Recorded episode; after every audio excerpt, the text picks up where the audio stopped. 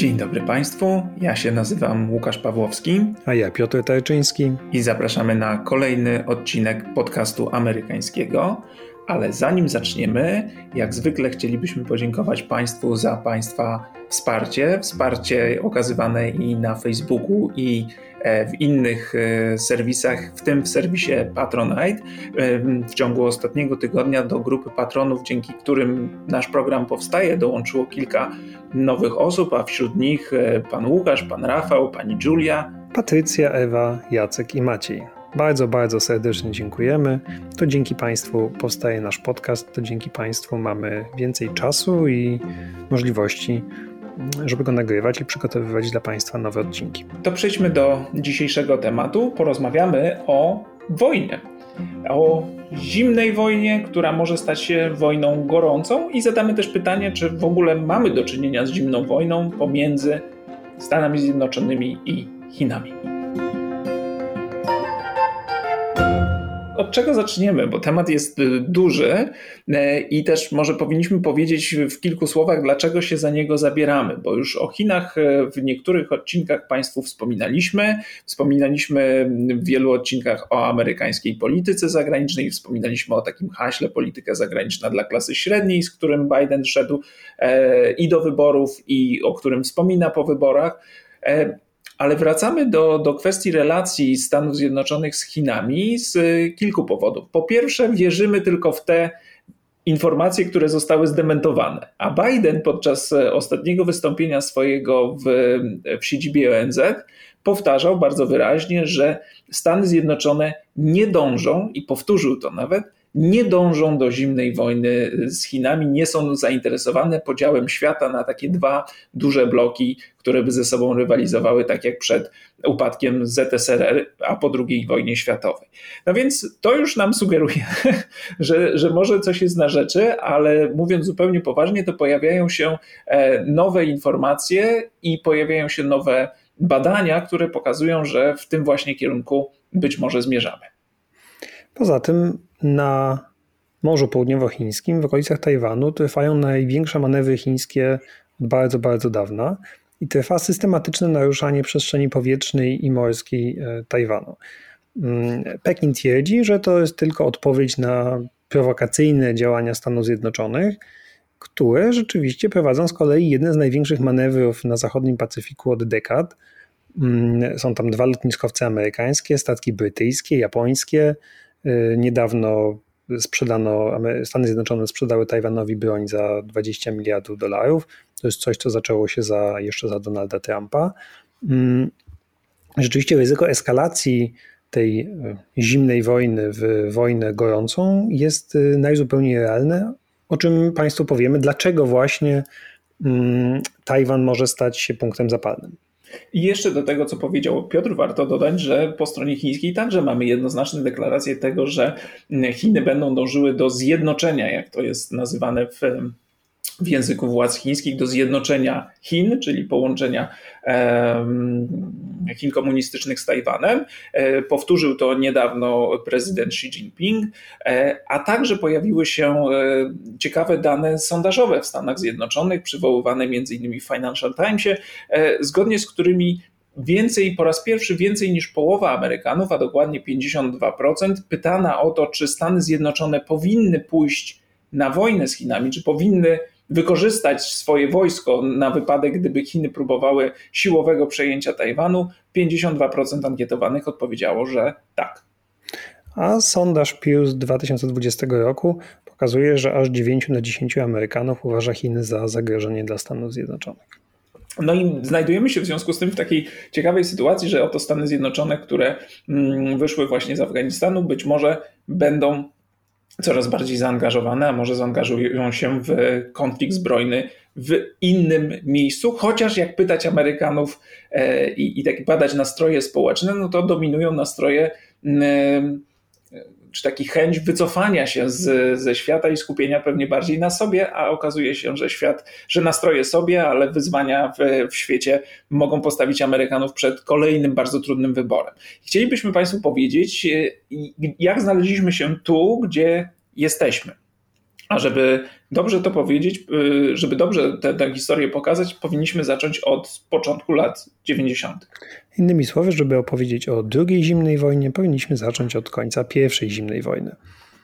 Tak, y, i ten rok, y, te lata 90., przełom 89, 90, 91 rok, kiedy doszło do rozpadu Związku Radzieckiego, to jest taki moment, który taki konserwatywny publicysta Charles Krauthammer określił na łamach e, magazynu Foreign Affairs momentem unipolarnym czy jednobiegunowym. To znaczy, e, chciał określić e, sytuację, w której Stany Zjednoczone czy chciał nazwać świat, w którym Stany Zjednoczone stały się jedyną potęgą nie mającą specjalnej konkurencji wśród innych mocarstw. Wraz z upadkiem Związku Radzieckiego to Stany Zjednoczone stały się jedyną globalną potęgą na świecie i konsekwencją tego e, zjawiska, to już mówimy o tym, co się stało w latach późniejszych, były takie poszukiwania przez Stany Zjednoczone roli dla, dla samych siebie w tym nowym świecie. Niektórzy mówili, że właściwie niewiele trzeba robić, bo świat będzie się zmieniał w kierunku,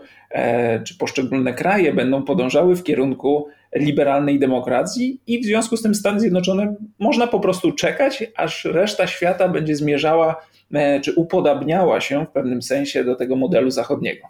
No tak, no tu się kłania oczywiście Francis Fukuyama i jego koniec historii. Nawiasem mówiąc, ostatnio krąży taki mem, w którym memy z Fukuyamą, który mówi teraz to chciałbyś koniec historii, co? No bo rzeczywiście tamta, tamte czasy były, jak się teraz na to spogląda, momentem no niezwykłej stabilności światowej dla dużej części świata zachodniego przynajmniej. Y, I rzeczywiście wydawało się wielu, znowu, głównie na zachodzie, że teraz to już tylko lepiej. Tak, i że y, to jest taki ciekawy paradoks, y, o którym mówi między innymi taki bułgarski politolog Iwan Krastew, który mówi, że w tamtym czasie to żeśmy wierzyli, że idee zachodnie będą krążyć po świecie, migrować, ale ludzie to niespecjalnie i na przykład migracja nie będzie żadnym specjalnym problemem, ale nasze idee będą do, do innych części świata podróżować. Ludzie z tych części świata do nas raczej nie. E, nie wzięliśmy tego pod uwagę, że na przykład kwestie migracyjne będą także ogromnym wyzwaniem. No ale to tylko jedno z wielu. Krótko mówiąc, w latach 90. wydawało się, że świat jest prostszy i generalnie zmierza w dobrym kierunku. Mówiono o takiej kolejnej fali demokratyzacji, liczba państw demokratycznych rosła, wszystko zmierzało w dobrym kierunku i wierzono także, że wśród tych państw demokratycznych znajdą się także Chiny. Stany Zjednoczone traktowały Chiny po 1989 tak samo, jak traktowały ten kraj wcześniej. W czasie zimnej wojny Stany Zjednoczone, Nixon, Kissinger dokonały takiego manewru. Udało się przeciągnąć komunistyczne Chiny, może nie na swoją stronę, ale udało się z Chin zrobić e, partnera Stanów Zjednoczonych i w ten sposób e, szachować Związek Radziecki. Rozwijanie Chin było korzystne dla Stanów Zjednoczonych, ponieważ pomagało w konflikcie geopolitycznym ze Związkiem Radzieckim. No ale po upadku Związku Radzieckiego polityki Stanów Zjednoczonych wobec Chin zasadniczo nie zmieniono. To znaczy, to otwarcie na Chiny postępowało.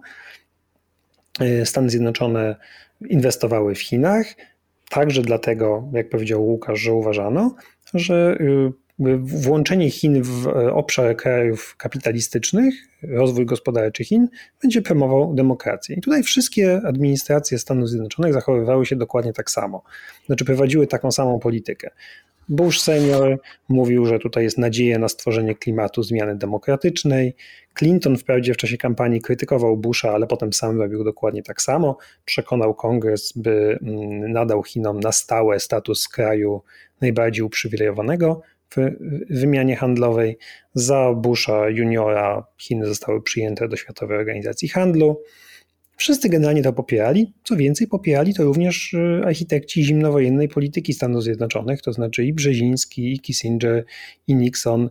I tutaj warto dodać, Biden też. Biden był wtedy szefem Komisji Spraw Zagranicznych Senatu. To jest bardzo ważna funkcja w, w amerykańskim kongresie.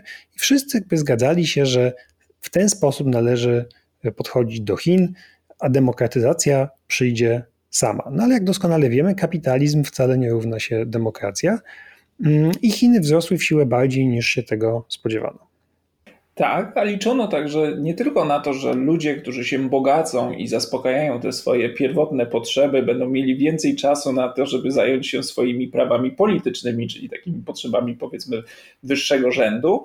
E, liczono na to, ale liczono także na to, że wciągając Chiny do, do globalnej gospodarki i zacieśniając te więzy gospodarcze, będą mogły Stany Zjednoczone i państwa zachodnie także wywierać presję na, na Chiny, mając do dyspozycji pewne narzędzia e, a tymczasem dzisiaj widzimy, że jest e, być może dokładnie odwrotnie. To znaczy, że to Chińczycy, mając tak potężną gospodarkę, jaką mają obecnie, mogą wywierać presję na, mm, na Europę i na Stany Zjednoczone. I przez ten, e, przez, to, to jest fascynujące, że przez ten cały czas e, tak wiele administracji i politycy z obu ugrupowań podzielali to samo zdanie e, i byli przekonani, że wciąganie Chińczyków e, będzie korzystne, bo teraz mamy do czynienia z sytuacją dokładnie odwrotną. To znaczy, zarówno wielu demokratów, jak i wielu republikanów e, podziela przekonanie, że popełniono wówczas błąd, że to wszystko było skrajną naiwnością i teraz trzeba działać odwrotnie, to,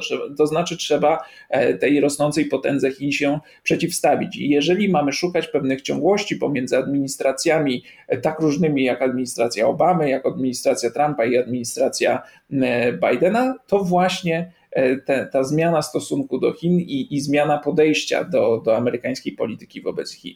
Ale wróćmy jeszcze do lat 90., e, bo e, oprócz tego wciągania Chin do, do orbity czy, czy do grona państw kapitalistycznych,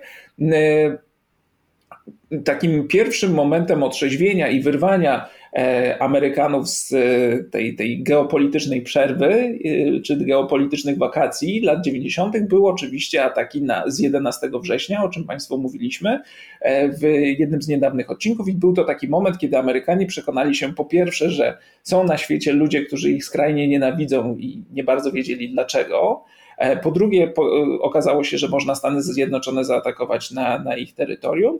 No i po trzecie, e, mieliśmy z jednej strony na początku wielki pokaz sympatii i współczucia dla Stanów Zjednoczonych ze strony innych państw, nawet tych, których, które tradycyjnie sojusznikami Amerykanów nie były, jak Rosja, ale później mamy wojnę w Afganistanie i wojnę w Iraku i kolejne lata pokazujące błędy Amerykanów, niepowodzenia Amerykanów, straty pieniędzy i okrucieństwa Amerykanów, e, czy by nie powiedzieć zbrodnie w tych wojnach popełniane. No to jest też tak, że jakby wojny na Bliskim Wschodzie odciągnęły uwagę Amerykanów od, e, od innych spraw światowych, e, w tym od wzrostu chińskiego, a Chiny zaczęły się zachowywać wzmocnione gospodarczo i politycznie, mm, jak no właśnie, tutaj dla niektórych Amerykanów y, takie postawienie sprawy może być szokujące, ale zaczęło się zachowywać jak Stany Zjednoczone.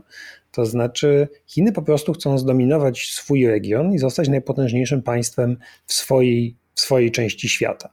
No i to jest coś, co Stany Zjednoczone robiły również w swoim czasie. Siłą rzeczy nie tylko chcą zostać Chiny najpotężniejszym państwem swojego regionu, ale w konsekwencji hegemonem światowym bo wtedy jest to, jest to po prostu najbezpieczniejsze rozwiązanie y, dla każdego państwa. Podążają Chiny po prostu za przykładem Stanów Zjednoczonych. Tylko Amerykanie widzą to inaczej, bo Amerykanie w ogóle mają tendencję do postrzegania się w kategoriach bardzo idealistycznych i widzą się jako wiecie Państwo, świetliste miasto na wzgórzu, które ma wyłącznie szlachetne pobudki, a nie kieruje się własnym interesem ekonomicznym czy politycznym. W związku z tym zachowanie Chin postrzegają oczywiście inaczej, jako agresywne, jako, y, jako nacjonalistyczne i to oczywiście jest też prawda, ale warto zauważyć i zwracają na to uwagę niektórzy politologowie, na przykład y, Mersheimer w, w artykule Foreign Affairs, że w gruncie rzeczy Stany Zjednoczone dały wzór Chinom komunistycznym, jak należy postępować i y, jak osiągnąć hegemonię.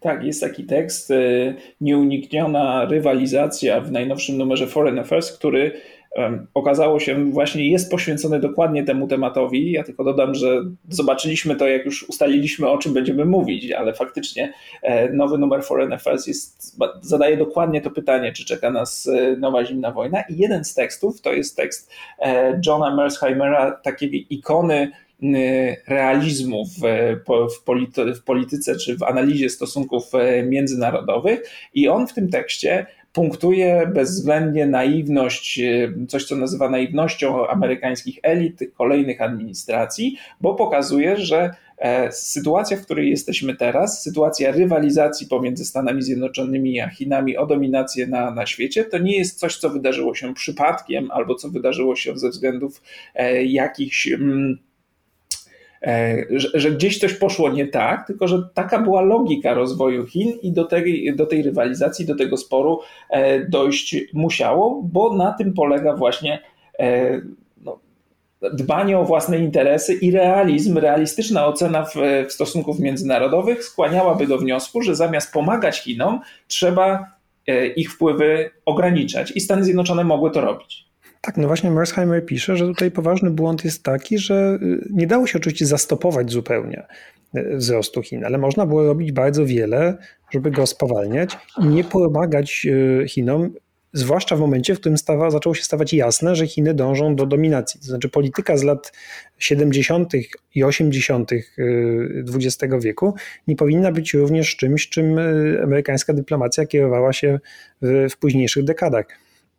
Innymi słowy mówi, że Stany Zjednoczone nie zrobiły jakby update'u systemu, to znaczy cała polityka zagraniczna wobec, wobec Chin y, to jest cały czas jechała na tym starym systemie, no po prostu nie ściągnięto aktualizacji.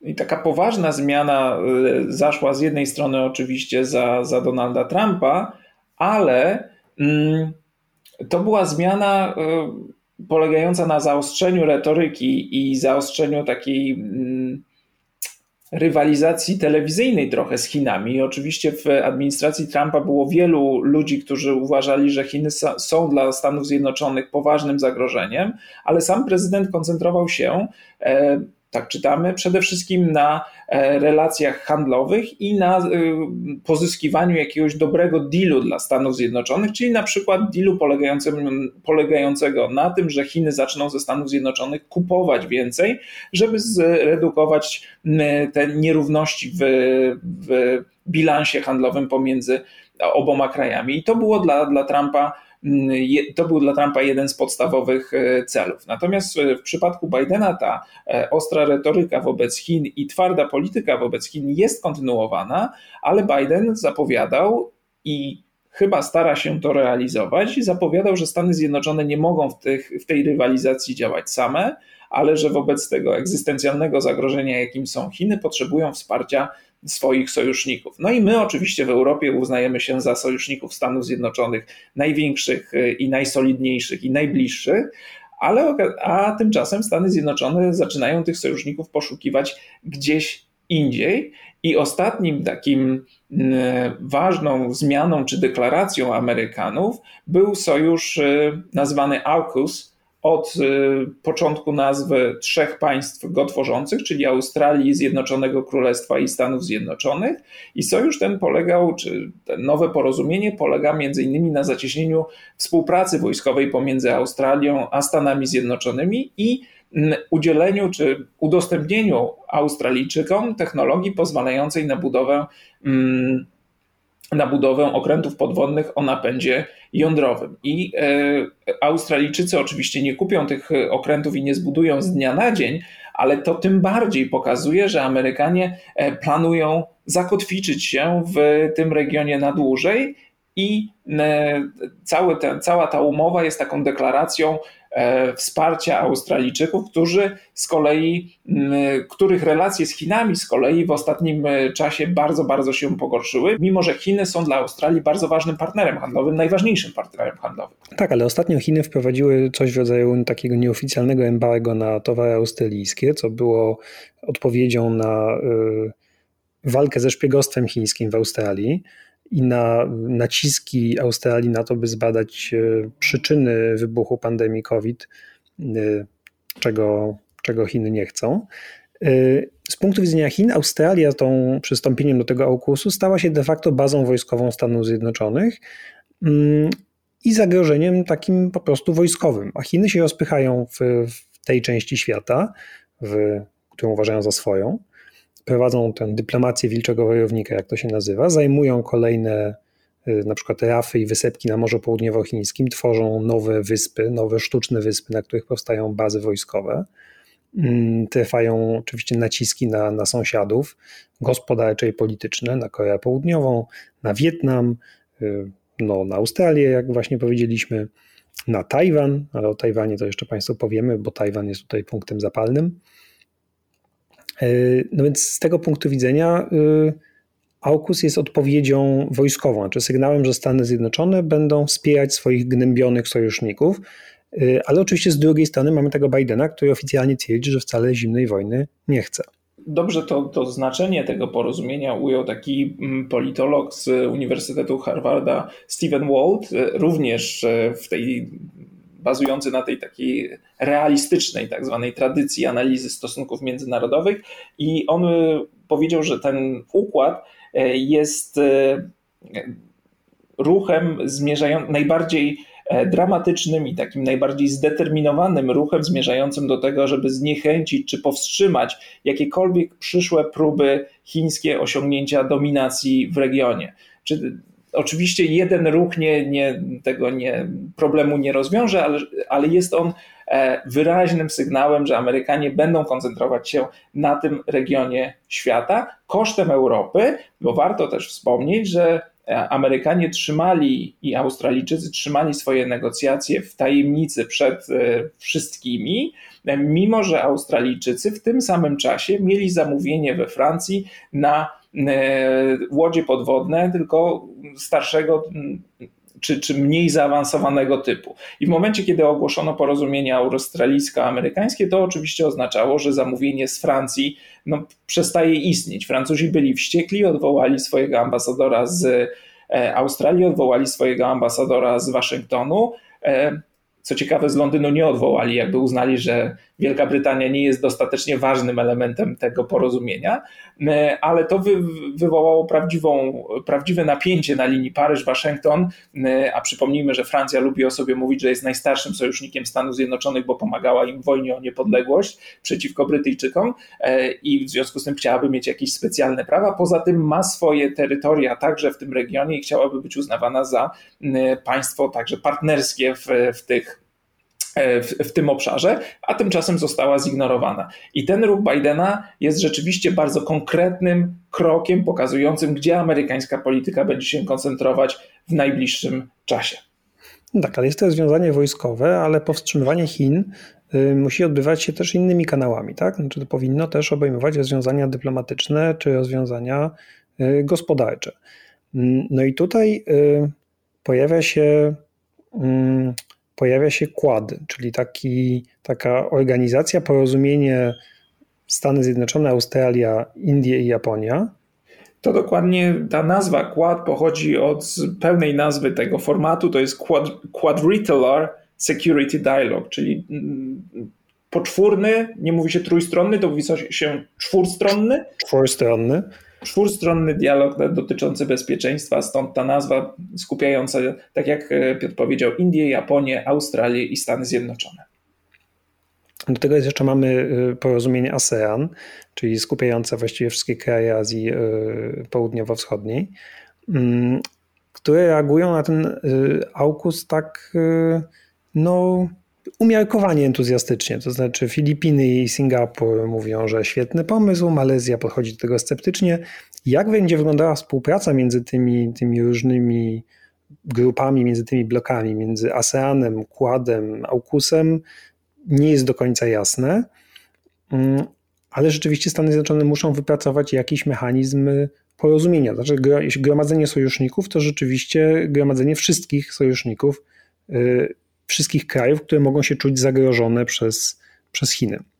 A to jeszcze nie koniec, bo żeby dołożyć e, trochę kolejną warstwę na to, o czym już e, Piotr powiedział, to jest jeszcze porozumienie tak zwanych pięciorga oczu, czyli porozumienie takiej ścisłej współpracy wywiadowczej pomiędzy e, pięcioma krajami. I tutaj w, w tym gronie mamy Australię, Stany Zjednoczone, Nową Zelandię, Wielką Brytanię i Kanadę. E, a więc częściowo ten układ pokrywa się z e, porozumieniem AUKUS e, i mamy także porozumienie handlowe. Przypominam, że jeszcze w czasie, Barack, w czasie prezydentury Baracka Obamy był taki pomysł, żeby stworzyć transpacyficzną strefę wolnego handlu. Ten pomysł upadł, ale w międzyczasie, po odejściu Obamy i przyjściu Trumpa, część krajów, które miały do tej strefy należeć, rzeczywiście takie porozumienie e, podpisały i należą do tego grona m.in. Australia, Chile, Japonia, Nowa Zelandia, Peru, Kanada, Meksyk, e, Malezja, Singapur, Wietnam. E, w związku z tym mamy tę całą mozaikę regionalnych porozumień, bo są jeszcze porozumienia, w których Chiny są częścią porozumień wolnohandlo, o, o, o, o wspólnym handlu ale widać wyraźnie, że Stany Zjednoczone planują zwiększyć swoją obecność w tym, w tym regionie. Dodajmy zresztą, żeby jeszcze skomplikować sytuację, do tego porozumienia, które jest następcą tego TPP, yy, czyli tego Trans-Pacific Partnership, do którego Stany nie, nie, przystąpiły, chcą przystąpić Chiny. Znaczy złożyły niedawno oficjalny wniosek. One nie spełniają wprawdzie oficjalnych warunków, to znaczy nie spełniają go w, na wielu polach pod względem ochrony własności intelektualnej, prywatności, praw pracowniczych, mają zbyt duży udział firm państwowych, y, więc nie wiadomo tak naprawdę, czy to jest jakby szczera chęć y, przystąpienia do tego porozumienia, czy jest to jakiś wybieg, który ma to porozumienie y, rozbić od środka. I jeszcze, żeby dodatkowo skomplikować sytuację, tydzień po Chinach komunistycznych swój wniosek złożył Tajwan.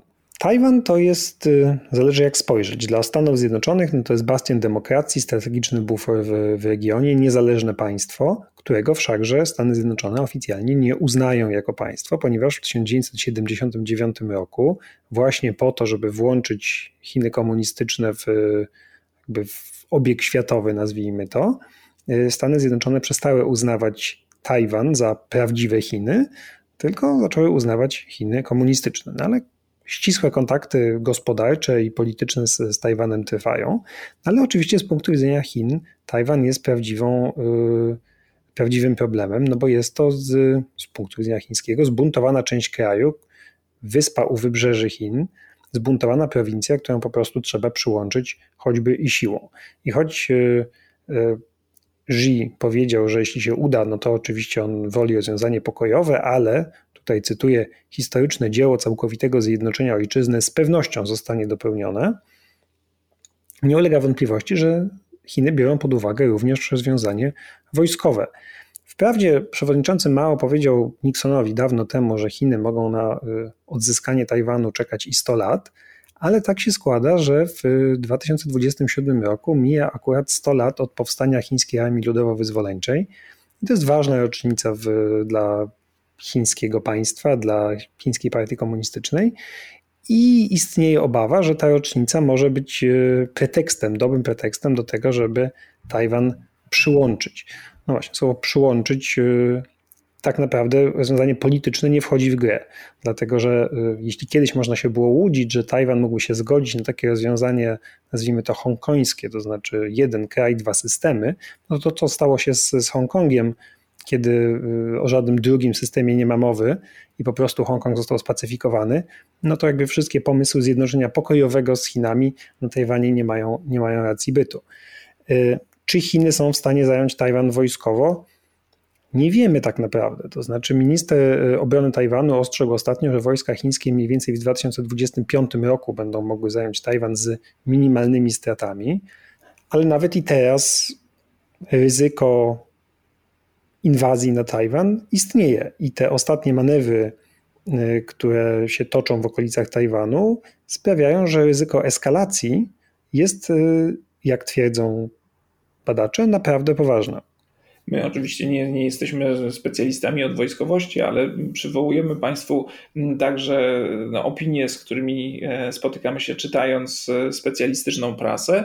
I te mówią, że Chiny e, według symulacji wygrałyby taką wojnę w tym obszarze ze Stanami Zjednoczonymi z bardzo prostego względu. Tajwan jest od wybrzeży chińskich nieodległy i Chiny mogłyby prowadzić tę wojnę z wykorzystaniem ogromnych czy dużej części swoich mo możliwości, podczas gdy Stany Zjednoczone dysponują najbliższymi bazami na Okinawie w Japonii, a Chińczycy dysponują z kolei pociskami, które mogłyby te bazy amerykańskie zlikwidować. Wówczas Amerykanie mogą operować w tym regionie z wyspy Guam, a to jest bodaj 1600 albo 1800 mil dalej. Oczywiście Amerykanie mają też sojuszników w regionie, ale pytanie, czy ci sojusznicy zaangażowaliby się zbrojnie po stronie Amerykanów. To także jest pytanie do nas, Europejczyków, czy kiedy Amerykanie znajdą się tam w potrzebie lub kiedy zwrócą się do Europy z pytaniem, no to po której stronie jesteście, moi drodzy, e, i czy pomożecie nam w tej rywalizacji? To jest pytanie, na które państwa europejskie będą sobie musiały odpowiedzieć, podobnie jak tamte państwa e, regionalne.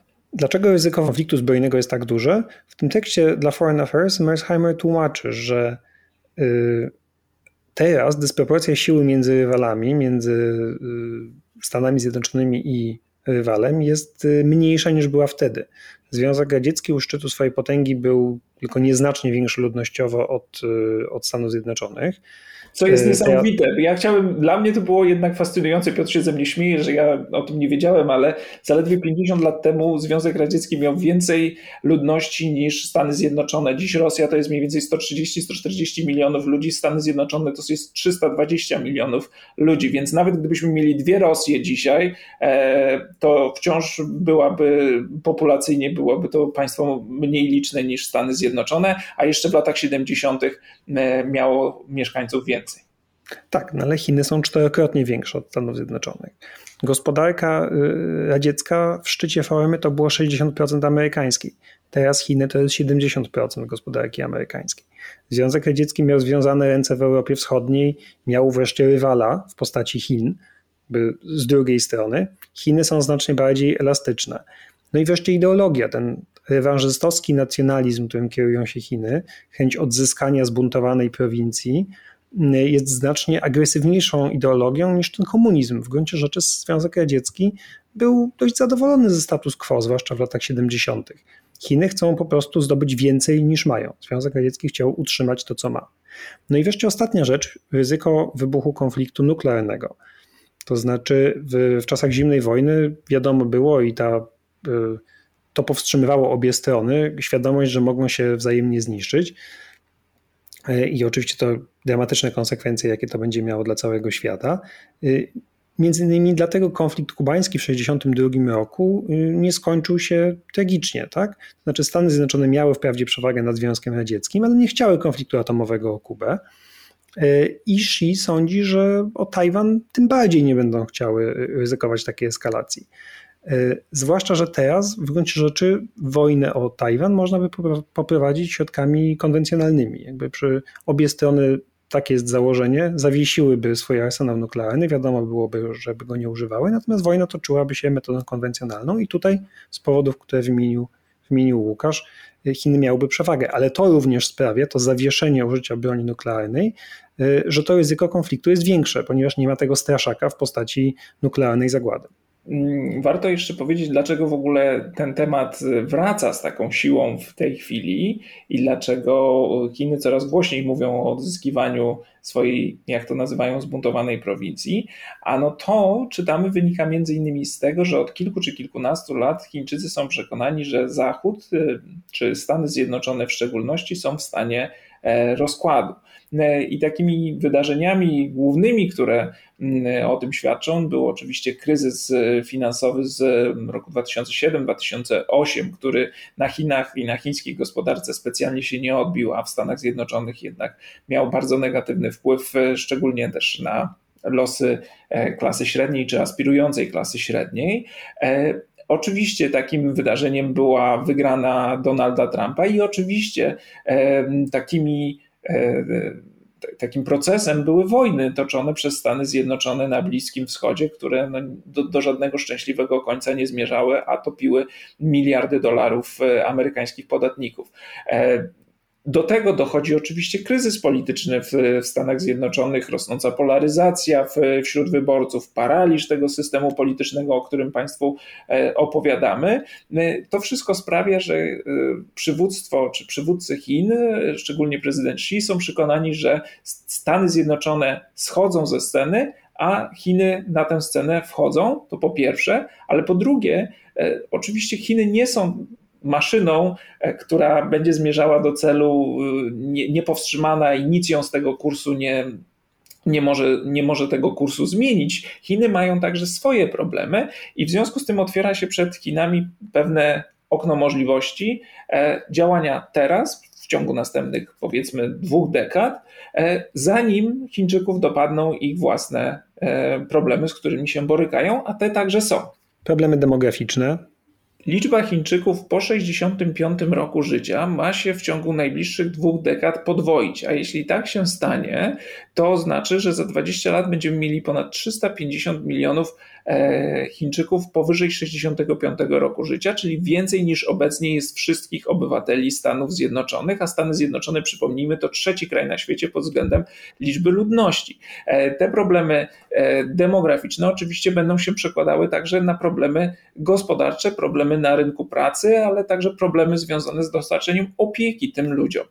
Kolejne problemy dotyczą oczywiście tempa rozwoju gospodarczego, które zdaje się spadać. Oczywiście te zapowiedzi spadku roz tempa rozwoju gospodarczego Chin pojawiają się regularnie, ale choćby tygodnik Economist przy, przekonuje, że w tej chwili e, spadek do poziomu 4,9% PKB w, w trzecim kwartale obecnego roku to jest, powinien być niepokojący sygnał, bo zamiast odbicia po pandemii widzimy spowolnienie. Mamy problemy z e, energetyczne, także z rynkiem energetycznym, z którym e, z tymi problemami borykamy się w Europie, ale pojawiają się one także w Chinach. No i oczywiście pojawiają się chociażby problemy związane z odradzaniem się pandemii. E, to nie tylko w Europie, ale także Chińczycy mają z tym e, kłopot. E, I to wszystko sprawia, że ten moment na działanie jest ograniczony, ale także dlatego, że Stany Zjednoczone i partnerzy Stanów Zjednoczonych w regionie zaczynają się Chińczyków y, poważnie obawiać i zaczynają reagować na tę politykę, którą obecna władza w Chinach prowadzi. A do tego wszystkiego dochodzi jeszcze problem chińskiego przywództwa, to znaczy przy, przy prezydent Xi, który nie wybiera się na polityczną emeryturę, co do tej pory było zwyczajem chińskich przywódców, którzy rządzili powiedzmy 10 lat i oddawali władzę nowemu pokoleniu. Xi wydaje się zamierza rządzić jeszcze przez jakiś czas. Y, I za swojej kadencji, za swojego panowania y, chciałby rozwiązać niektóre problemy na czele z oczywiście Tajwanem. No i to jest ciekawa sytuacja, bo yy czy, czy to, ta polityka, którą obecnie prowadzą chińskie władze, jest dowodem słabości, czy dowodem właśnie siły Chin?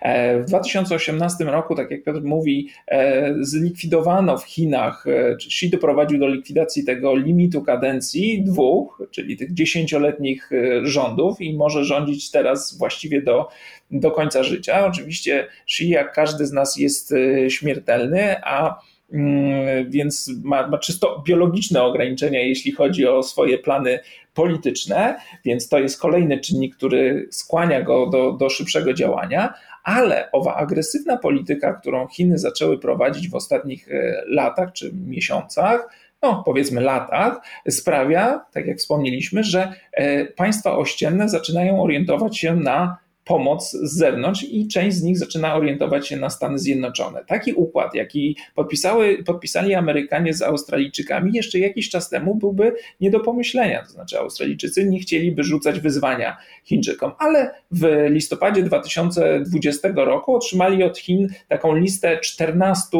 postulatów czy 14 problemów, które są do rozwiązania i naraziły się Chińczykom między innymi, narazili się Australijczycy między innymi żądaniami niezależnego śledztwa w sprawie, mm, mm, w sprawie początków e, epidemii. To wywołało wściekłość w Pekinie.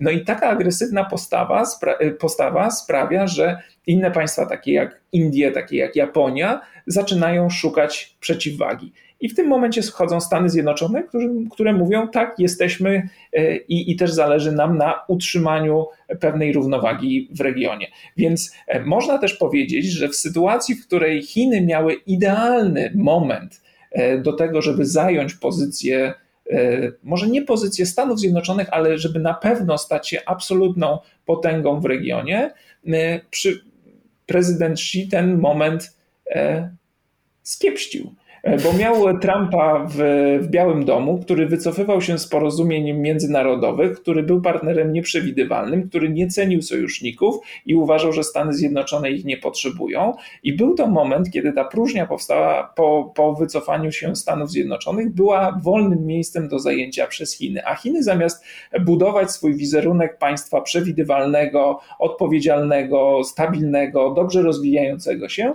zamiast budować zaufanie, wzbudziły nie tylko nieufność, ale przede wszystkim strach wśród wielu państw, które e, mogły mieć e, po swojej stronie. I jedną z największych przewag Stanów Zjednoczonych wciąż okazuje się zdolność do budowania sojuszy. Mimo że, Stany, mimo, że Chiny, jeżeli byśmy liczyli e, liczbę państw, dla których są największym partnerem handlowym, absolutnie dominują na świecie, e, jeżeli chodzi o samą liczbę takich państw, no to Stany Zjednoczone wydaje się mają większe zdolności koalicyjne wciąż e, i są takim partnerem mm, budzącym mniejsze obawy e, wielu, wśród wielu państw regionu. Tak, jak ktoś powiedział, Chiny mają tak naprawdę tylko jednego sojusznika, Pakistan, reszta krajów po prostu się Chińczyków boi. Współpraca z innymi państwami to jest rzeczywiście y, jeden z, z, pomysłów na to, w jaki sposób Stany Zjednoczone mogą z, skontrolować, czy zastopować, czy ograniczyć Chiny.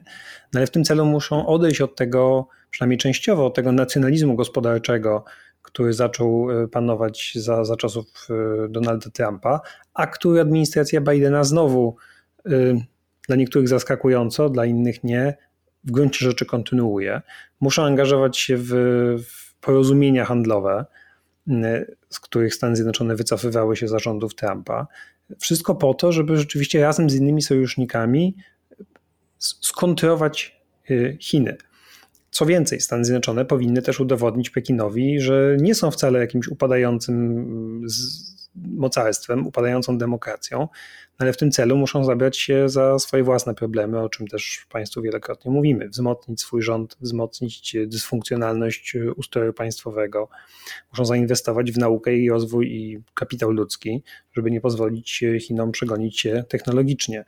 Czy wszystko to, owszem, ma początek, w, jak to ktoś powiedział, ma początek w kraju, ale nie może się ograniczać tylko i wyłącznie do działań wewnątrz Stanów Zjednoczonych. Muszą też Stany Zjednoczone wychodzić na zewnątrz. Tymczasem zaczął panować jakiś taki konsensus, y, że Stany Zjednoczone rzeczywiście powinny zabrać się za swoje problemy wyłącznie, y, skupiać się tylko na sobie. I nawet jeśli to nie jest przedstawiane tak obcesowo jak za czasów rządów Trumpa, który miał to hasło America First, teraz nikt tego hasła nie używa, ale praktyka jest w gruncie rzeczy podobna. Znaczy myślenie America First nie pomoże Stanom Zjednoczonym w, w zastopowaniu y, czy w, w rywalizacji z Chinami. No tak, tylko ja mam pewne wątpliwości, czy tak rzeczywiście jest, bo z jednej strony masz rację, to znaczy nie ma obecnie klimatu do tego, żeby e, Stany Zjednoczone weszły w jakieś nowe, duże międzynarodowe układy handlowe. To znaczy sprzedanie tego amerykańskim wyborcom będzie bardzo trudne, bo partia republikańska także, która kiedyś była no, gorącym, znaczy miała polityków e, będących gorącymi zwolennikami takich porozumień, obecnie stała się partią e, która chce chronić amerykańską gospodarkę, czyli ograniczać kontakty e, zewnętrzne i uważa, że wolny handel prowadzi do no, wykorzystywania czy biednienia amerykańskich pracowników. I, I, z takim przekazem szedł Trump do wyborów i, i, taki przekaz powtarza. Więc na jakiekolwiek porozumienie o wolnym handlu duże pewnie nie ma co liczyć. Ale z drugiej strony Biden realizuje tę swoją politykę poszukiwania sojuszników i działania poprzez sojuszników, e, a przynajmniej próbuje to robić, e, o czym no, już wspomnieliśmy. Więc nie wiem, czy jest tak rzeczywiście, że Stany Zjednoczone koncentrują się tylko i wyłącznie na, na sobie, chociaż Zgadzam się z tym, że Stany Zjednoczone wiele rejonów świata pozostawiają e, gdzieś na drugim planie. I teraz koncentrując się tylko na, i wyłącznie na rywalizacji z Chinami, będą skupiały się na regionie Azji e, Południowo-Wschodniej, e, a pomijają takie ważne części świata, jak chociażby Afryka czy Ameryka Południowa. I tutaj argument mówi tyle, że jeżeli chcecie rywalizować z Chinami, to nie możecie się koncentrować tylko na Chinach, ale musicie budować blok państw, daleko poza ten region wykraczający. I, no i z tym zgoda. To jest trochę podobny błąd do, do tego, który, który wcześniej prowadziły Stany Zjednoczone, to znaczy koncentrowały się na Bliskim Wschodzie w takim stopniu, że zignorowały inne ważne rejony świata, w tym Azję. Teraz, jak rozumiem, problem jest taki, że koncentrując się na Azji, znowu zaniedbują sprawy, problemy i kwestie, które mogą stać się ważne niebawem, ale cała uwaga jest znowu skupiona tylko w jednym miejscu trzeba zaznaczyć, że to nie jest tak, że wszyscy w Stanach Zjednoczonych uważają, że nagle trzeba iść na konflikt z Chinami, chociaż ogromna większość klasy politycznej takiego mm, ekspertów do spraw międzynarodowych właśnie w tym kierunku takiego zaostrzenia polityki wobec Chin idzie. I to jest ciekawe, bo e, ciekawe i budzi poważne podejrzenia. No bo proszę zwrócić uwagę, jeżeli przez 30 lat mieliśmy konsensus, że Chiny należy angażować, że należy próbować je wciągnąć do systemu e, gospodarki światowej, że należy dążyć do rozwoju gospodarczego Chin i że rozwój gospodarczy Chin jest w interesie Stanów Zjednoczonych. Tak mówili amerykański e, amerykańscy prezydenci, bo doprowadzi do demokratyzacji, ale także uzależni Chiny od światowej gospodarki, a w związku z tym sprawi, że będą bardziej przewidywalne. Wszyscy o tym mówili, uznawano to za taką prawdę no, właściwie oczywistą. A dziś w przeciągu dosłownie kilku lat ta sytuacja całkowicie się odwróciła i Dziś mówienie o tym, że Chiny należy angażować, że trzeba współpracować, że można znaleźć porozumienie, że można poprzez rozwój gospodarczy dążyć do, do, do zmiany ustroju politycznego, to wszystko uznawane jest za skrajną naiwność, głupotę e, kompletną i, i w ogóle za nieprzystające do rzeczywistości. No to budzi moje poważne wątpliwości z tego prostego względu, że jeżeli przez 30 lat wszyscy uważali twierdzenie A za prawdziwe, a dzisiaj wszyscy mówią, że twierdzenie nie A jest prawdziwe, a, a przez 30 lat wszyscy wykazywali się naiwnością, to być może ryzykujemy popełnienie dokładnie tego samego błędu, że skupiamy się tylko i wyłącznie na, na jednym sposobie myślenia, a ignorujemy inne możliwości kształtowania tych relacji e, z Chinami. I pojawiają się takie głosy w Stanach Zjednoczonych mówiące, że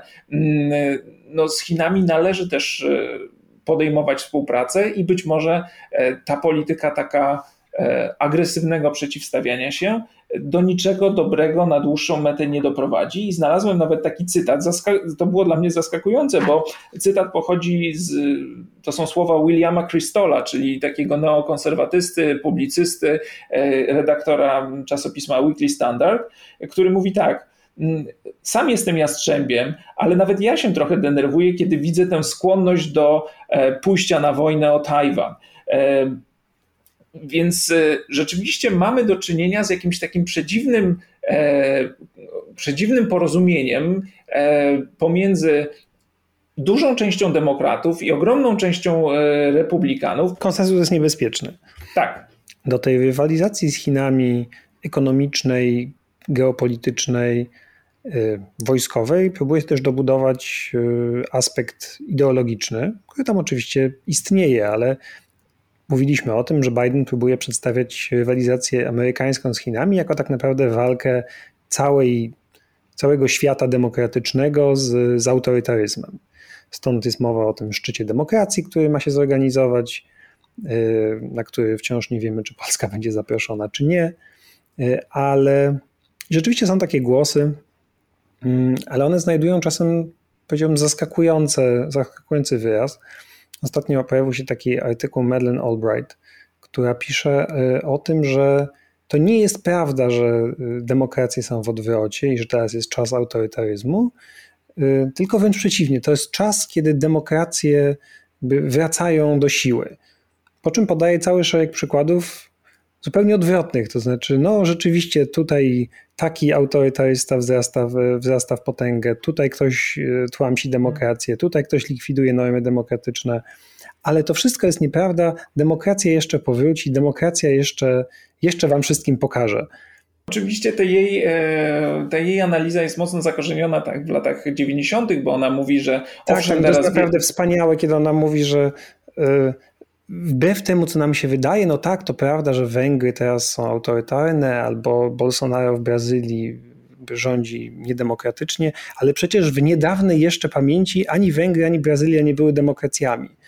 No więc tutaj właśnie w niedawnej pamięci mm, oznacza 30 parę lat temu. Tak, ale ty można, oczywiście ten tekst jest y, no trochę taki, można powiedzieć, naiwny czy, czy pięknoduchowski, ale jakby go tak życzliwiej trochę interpretować, to, to to jest chyba takie wyzwanie do tego, do czego też wzywają inni y, analitycy, żeby Stany Zjednoczone nie porzucały tej swojej. Mm, tego swojego wizerunku państwa, które może być wzorem dla innych, a więc państwa, które nie tylko jest silne e, militarnie i gospodarczo, ale także takiego, który, które po prostu jest lepsze niż ten, konkuren, niż ten konkurencyjny blok z którym rywalizuje, jeżeli już przedstawiamy to w kategoriach e, zimnej wojny. I jeżeli Przy tym tak oczywiście to... trzeba mieć świadomość, że jest to y, pewna narracja niekoniecznie zgodna z rzeczywistością, bo przypominamy Państwu, że w czasach zimnej wojny numer jeden, tak zwany e, wolny świat, czyli który gromadził kraje antykomunistyczne, bardzo często wcale nie był wolny i było tam również wielu zamordystów, wiele, wiele dyktatur. I, I, tak naprawdę dzisiejsze zachowanie Stanów Zjednoczonych w, w Azji mm, jest, y, wskazuje na to, że ten nowy wolny świat, który ma się sprzeciwiać Chinom, też niekoniecznie musi być aż tak wolny. Znaczy, popatrzmy, Biden nie naciska wcale na generałów w Mianmie, ani nie naciska na Indię, gdzie Narendra Modi rządzi w sposób coraz bardziej Y, no, nieliberalny, antydemokratyczny, ani na Wietnam, który jest y, no, też państwem niedemokratycznym, bo potrzebuje ich po prostu do wojny z Chinami. To już nawet y, Duterte na Filipinach, który zmienił front, kiedyś był bardziej prochiński, teraz szuka ochrony Amerykanów. Nie widać jakichś szczególnych nacisków Stanów Zjednoczonych na, na administrację Duterte, ponieważ jest to znowu kraj, którego oni potrzebują w tej rywalizacji z Chinami. W związku z tym ten blok krajów demokratycznych może się okazać w gruncie rzeczy mniej, znaczy może nie mniej, ale wcale nie aż tak demokratyczny, jak próbują to Stany Zjednoczone przedstawiać.